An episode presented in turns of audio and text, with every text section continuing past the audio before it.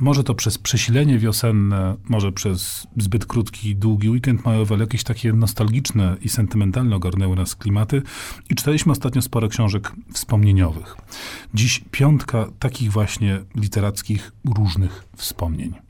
I zacznijmy od Agnieszki Osieckiej, która w księgarniach ostatnio króluje, bo sporo książek na jej temat się ukazało. I jedną z tych e, książek, która trafiła w moje ręce, jest Koleżanka. Wspomnienia o Agnieszce Osieckiej. Mm, książka e, opracowana przez Karolinę Felberg-Sendecką, która mm, była też redaktorką dzienników Osieckiej. Ale chyba nie była jej koleżanką. Nie, nie była jej koleżanką, natomiast tu kolegów i koleżanek Osieckiej e, całe mrowie, mm, bo jest to książka dość dość obszerna, e, która składa się z rzeczy najróżniejszych. To znaczy tak, z fragmentów książek wcześniej publikowanych, które Osiecki traktują, z e, wspomnień Osieckich, które rozproszone były po różnych prasach, archiwach i tym podobnych rzeczach, które autorka zebrała do kupy. Są tutaj też nawet utwory poetyckie dedykowane Osieckiej, ale i cała masa rozmów, które zostały specjalnie na potrzeby tej książki przeprowadzone. Książka ta jest, e, muszę powiedzieć, bardzo fajnie skomponowana, bo poznajemy Osiecką chronologicznie. Te głosy się przeplatają, często e, powracające są, e, jak chociażby Daniela Pasenta głos pojawia się w tej książce kilkakrotnie. E, są tutaj rzeczy, które wiedzieliśmy o Osieckiej, jest sporo rzeczy, których wiedzieć nie mogliśmy. Ona się jawi jako rzeczywiście tytan roboty i to roboty najróżniejszej, a przy tym osoba robiąca kilkanaście rzeczy naraz. Sprawia wrażenie momentami bałaganiarskiej, ale chyba musiała być dość nieprawdopodobnie jednak poukładana, e, bo inaczej nie byłaby w stanie tego zrobić. A mnie też ujmuje w Osieckiej jakaś jej taka normalność. Nigdy nie oczekiwała ludzi, że będą traktowali ją jako wielką artystkę. Nie mówiła o sobie per poetka, myślała o sobie jako tekściara e, głównie i traktowała tą swoją robotę bardzo rzemieślniczo i z dużą ilością dystansu. A to zmienimy troszeczkę klimat i przejdźmy do książki, która w Polsce przyszła właściwie bez echa, mam wrażenie, a w świecie, gdzie nigdzie narobiła więcej szumu, ona się nazywa Wstrząsające dzieło kulejącego geniusza. Napisał ją Dave Eggers. Wyszła przed paru laty, ja jeszcze niedawno kupowałem ją w taniej książce. To jest rzecz rzeczywiście wstrząsająca, ale i ironiczna. Ona już, ta książka budzi już niepokój i intryguje od samego początku, bo nawet w tej stopce redakcyjnej, tam jakby z, z tyłu strony tytułowej, gdzie zwykle są dane o copyrightie i o drukarni, już tam tekst zaczyna się dziać. Autor zaczyna tam pisać o sobie, y, snuć refleksję nad tym, co to właściwie jest prawo autorskie, prawo do dzieła, co to znaczy biografizm i tak dalej. Wszystko to jest y, śmieszne i trochę poważne.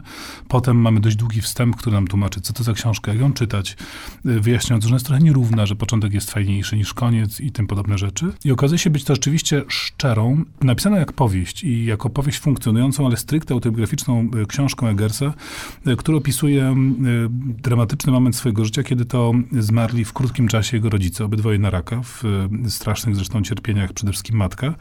I ten, że no, niespełna 20-letni chłopak zostaje opiekunem swojego 10-letniego brata. Mają też siostrę nieco starszą, która studiuje i nagle ta rodzina się kompletnie jakby rozsypuje. Y, chłopak, który powinien imprezować, szaleć i wariować, staje się no, ojcem y, de facto.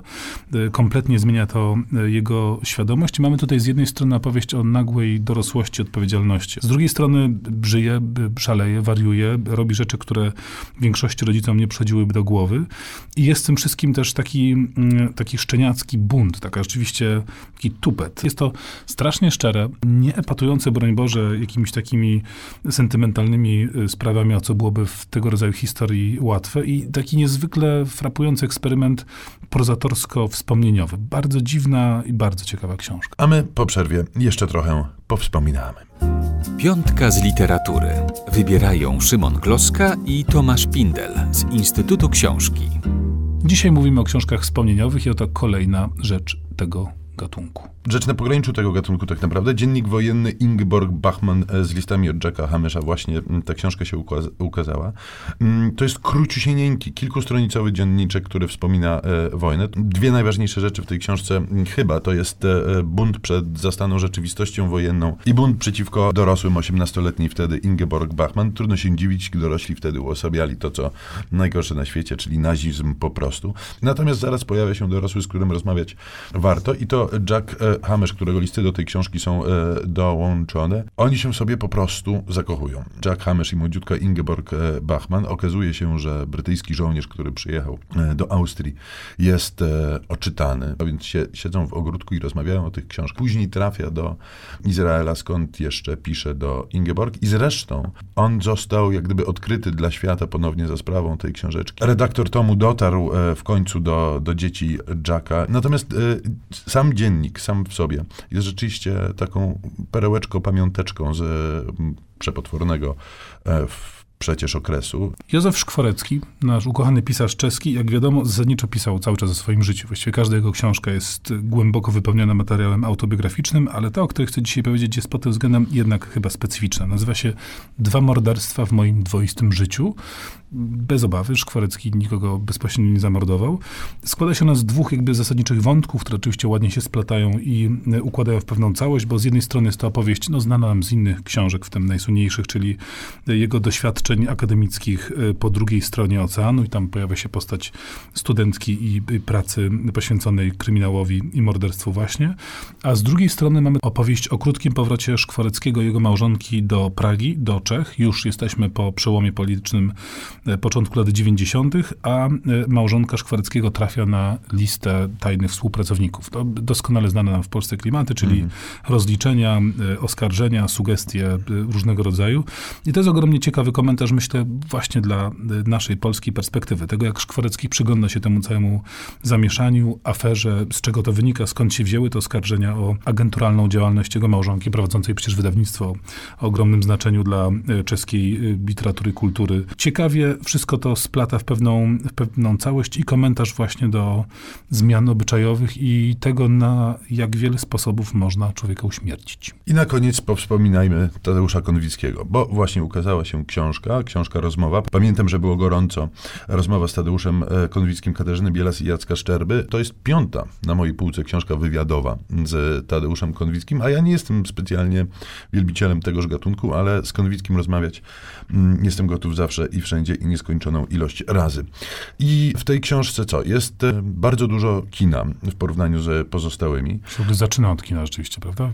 Tak. Rozmowa rusza od spraw filmowych. Ale pojawiają się też książki, pojawia się też życie e, rodzinne, pojawia się refleksja Konwickiego dotycząca przemian socjopolitycznych w naszym kraju, jak spodziewać by się można było tego. Pojawia się też w pewnym momencie żona e, w takim absolutnie przeuroczym pasusie, gdzie Konwicki podkreśla, że jego milczenie jest chyba największym dowodem jego bezdennego przywiązania i miłości do żony. E, Przytaczę jedną zabawną anegdotkę, gdzie żona potem, jak dowiedziała się, że córka dostała kiepską ocenę z czegoś tam, mówi, no widzisz, widzisz, ty piszesz jakieś pornografię w tych swoich książkach i później nauczyciele mszczą się na córce. Co oczywiście przytacza z, e, Głęboką satysfakcją. z głęboką satysfakcją, ale też w takim tonie e, żartobliwym. Spotkać Tadeusza Konwickiego rzeczywiście e, warto po raz e, kolejny i to jest niesamowite, że on cały czas jak mówi o tym samym, ale inaczej. Więc czytanie rozmów z Konwickim to czysta po prostu przyjemność. To tyle wspominek na dzisiaj. Pozdrawiamy. Szymon Koska. Tomasz Pindel.